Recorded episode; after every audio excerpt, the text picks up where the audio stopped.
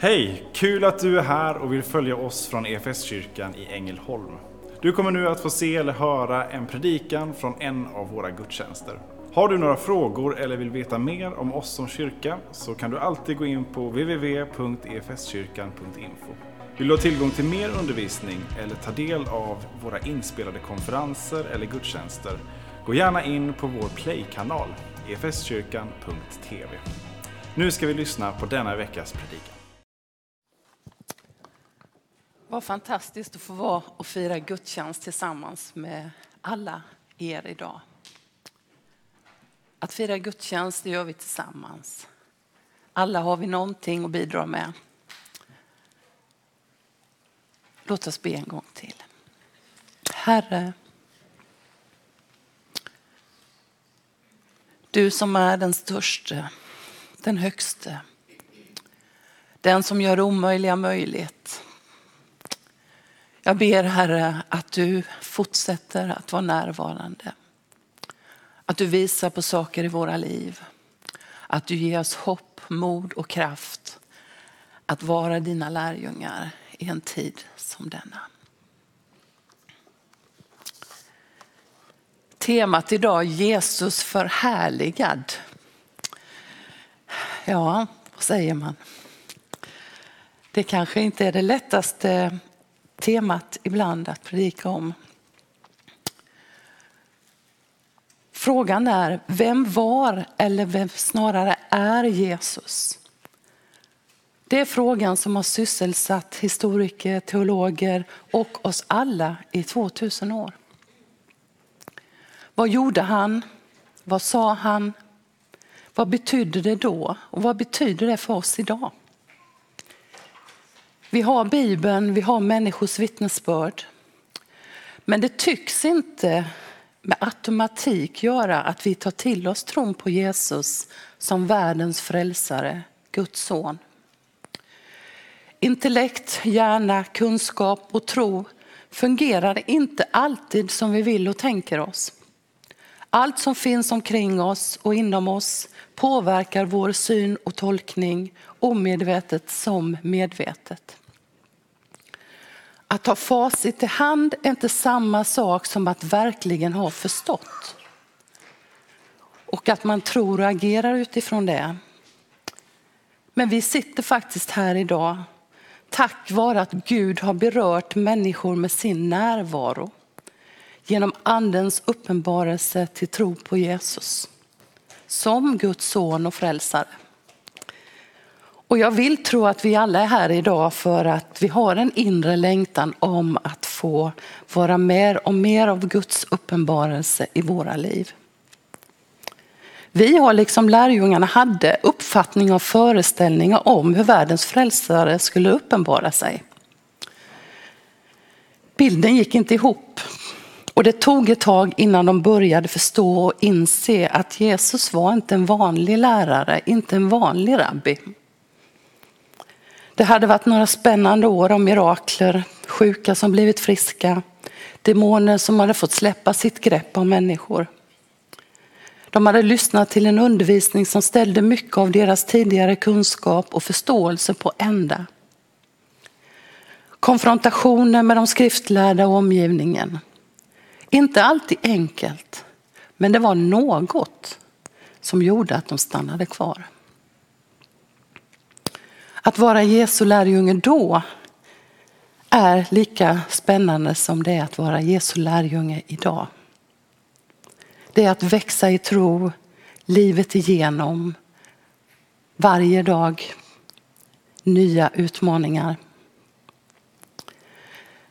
Tittar vi på kapitel 9 som vi ska läsa ur idag så börjar det med att Jesus sänder ut de tolv till att bota de sjuka, driva ut demoner och berätta om riket.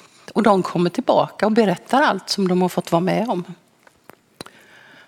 Och sen som så ofta så drar Jesus sig undan tillsammans med lärjungarna för att be. Och han frågade dem, vem säger folket att jag är då?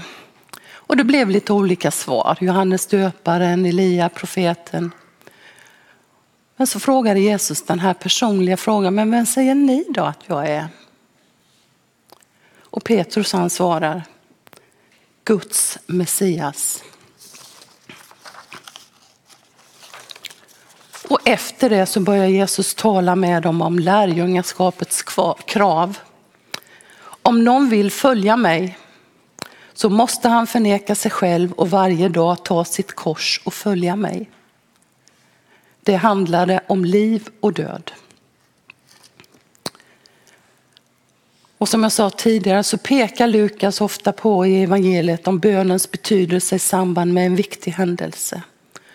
Och återigen drar Jesus sig undan för att be tillsammans med Johannes, Petrus och Jakob. Och vi läser från Lukas 9, vers 28 till 36. Ungefär en vecka senare tog han med sig Petrus och Johannes och Jakob och gick upp på berget för att be. Medan han bad förvandlades hans ansikte och hans kläder blev vita och lysande. Och två man samtalade med honom. Det var Mose och Elia som visade sig i härlighet. Och de talade om hans uttåg ur världen som han skulle fullborda i Jerusalem. Petrus och de andra hade fallit i djup sömn men vaknade och såg hans härlighet och de båda männen som stod tillsammans med honom.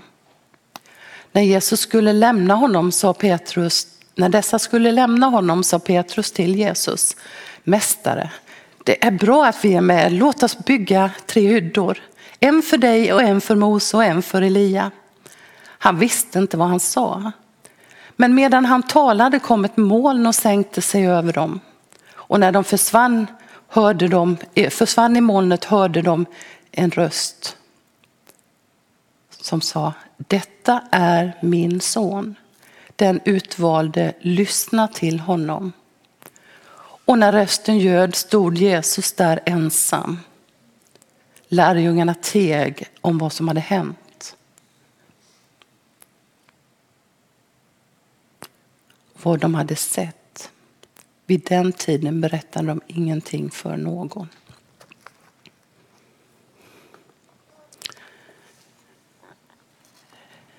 Nog hade det varit en upplevelse att få vara med. Tiden stannar.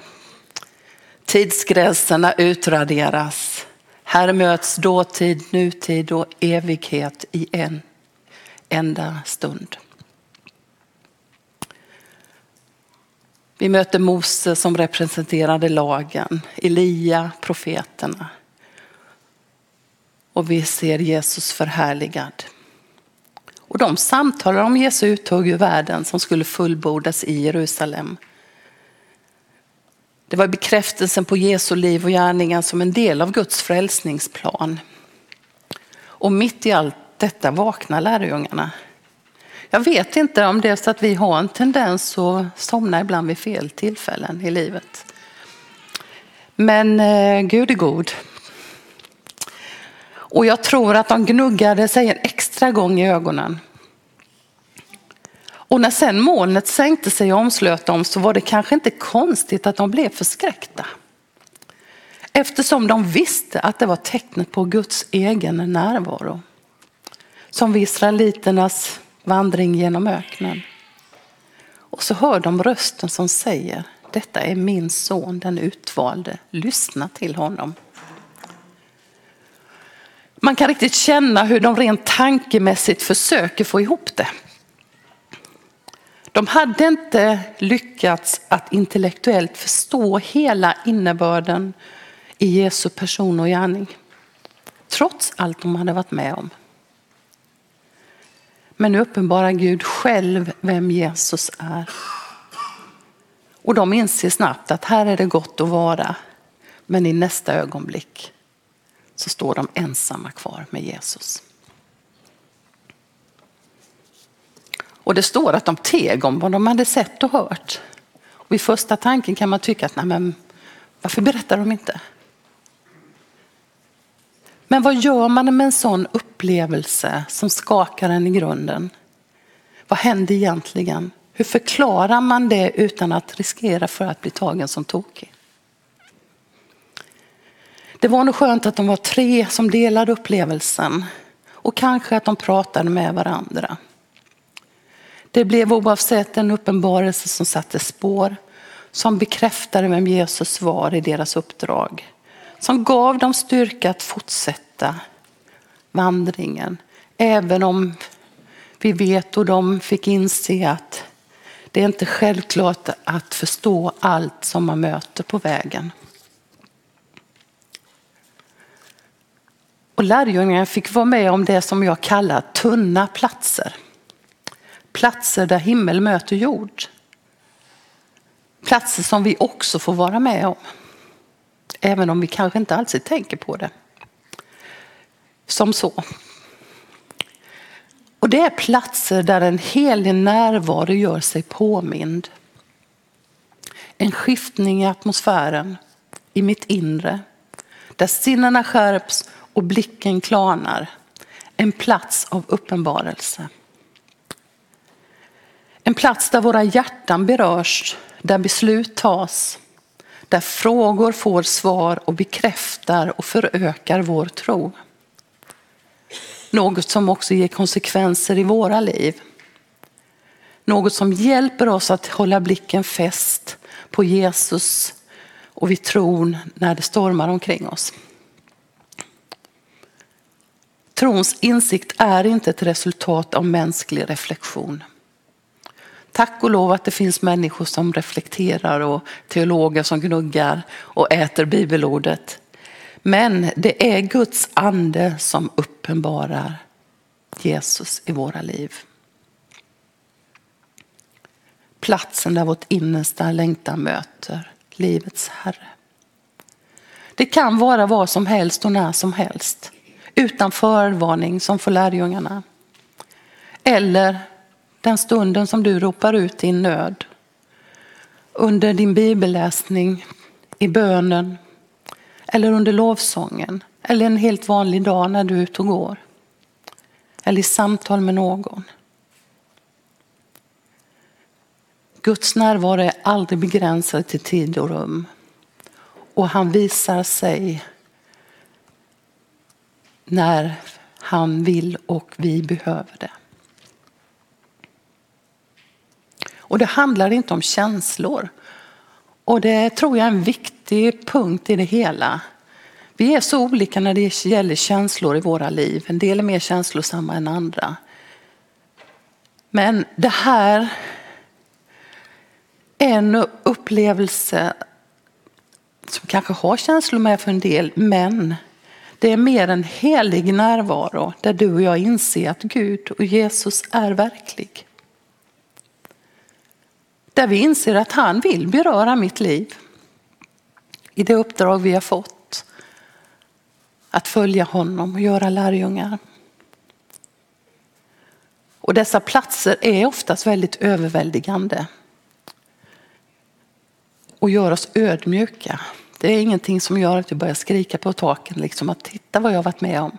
Utan det händer någonting, den helig närvaro som griper tag om vårt innersta. Vissa saker kanske vi aldrig kommer att dela med någon. Men vi bär med oss det i våra hjärtan som en pärla. Och nu är det ju så här att de här stunderna på förklaringsberget är just stunder och platser, tunna platser. Den största till, tiden tillbringar vi i vår vardag bland människor där Jesus vill att vi ska vara.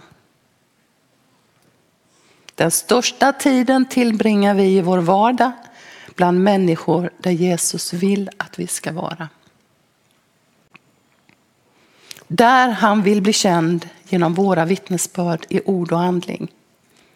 Och vågar jag tillägga, be för de sjuka, driva ut demoner och visa på Guds rike. Vi lever i en värld som skriker efter fred och befrielse. Som är allt annat än rättvis. Både i perspektivet av vårt sammanhang och ut över världen. Och det är lätt att vi känner oss modlösa och maktlösa. Och vi får faktiskt vara lite vaksamma och uppmärksamma på så att vår tro inte hamnar i händerna på omständigheterna och definieras av våra omständigheter. Utan där vår tro på Jesus är grunden som leder igenom omständigheterna i våra liv. Att vi har rätt grund att stå på. Vi tillhör möjligheternas Gud. Livets Gud. När jag arbetade i Etiopien så fick jag många erfarenheter som har varit bra och nyttiga och roliga och för mitt liv. Det finns också andra saker som vi kanske i Sverige ibland har lite svårt för att ta till oss. Och det är det här att leva nära liv och död, krig, fred, svält, sjukdom utan sjukhus.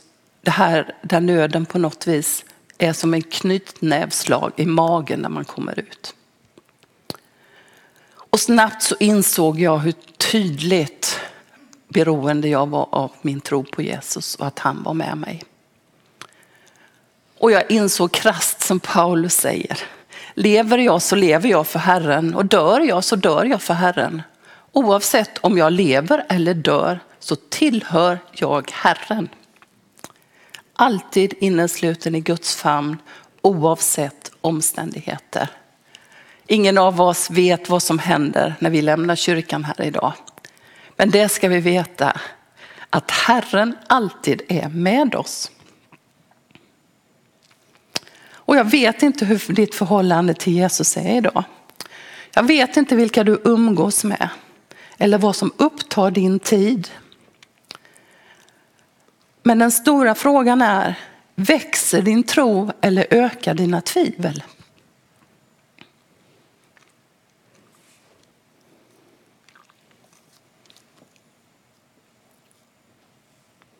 Jag vet också att våra tankar har vandrat under den här gudstjänsten. Och jag vill tro att den helige Ande har pekat på din relation till Jesus. Kanske du blivit påmind om de här tunna platserna som du varit med om. Kanske du blivit påmind om andliga nådegåvor som du inte använder idag.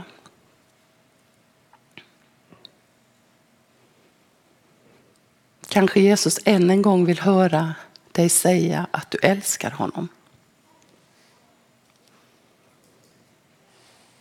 Och du finns säkert också med som längtar efter att få kunna bekänna och bjuda in Jesus i ditt liv. Jag är en ovan predikant. Jag är en medlem här i församlingen. Men jag älskar Jesus. Vissa dagar har jag en tro som kan förflytta berg. Och andra dagar så ligger jag under ginsbusken och undrar, helt utmattad, hur ska jag orka mer? Jag behöver er och vi behöver varandra i lärjungaskapets vandring att följa Jesus. Jag behöver er så att vi tillsammans kan få be, läsa Bibeln, samtala om livet. Få kraft och mod att vittna om Jesus Kristus där jag befinner mig i min vardag.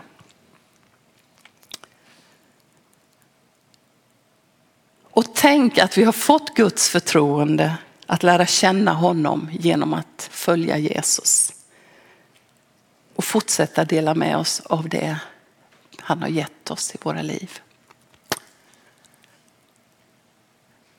Vi ber. Tack Jesus för att vi får följa dig. Tack för att du går före och vi följer. Tack för att du talar och vi lyssnar. Tack för att du ger och vi tar emot. Hjälp oss att prioritera rätt. Hjälp oss att se varandra och de människor vi har runt omkring oss. Hjälp oss i vår längtan att få visa på din vilja, på Guds rikes genombrott i vår tid, Herre. Tack för att där din vilja sker, där finns ditt rike. Tack för att du fortsätter att verka i våra liv under den här gudstjänsten och dagarna framöver. Amen. Som kyrka är det en glädje att få spela en liten roll av allt Gud gör i och genom ditt liv. Vi vill gärna fortsätta följa dig på den resan. Och vill du ta reda på vad ditt nästa steg kan vara på din resa med Gud så gå in på efskyrkan.info nästa steg. Vår längtan är att få se människor och samhällen förvandlade av Jesus. Genom en kyrka som återspeglar Guds hjärta, bär varandra och betjänar människor varhelst vi befinner oss varje dag.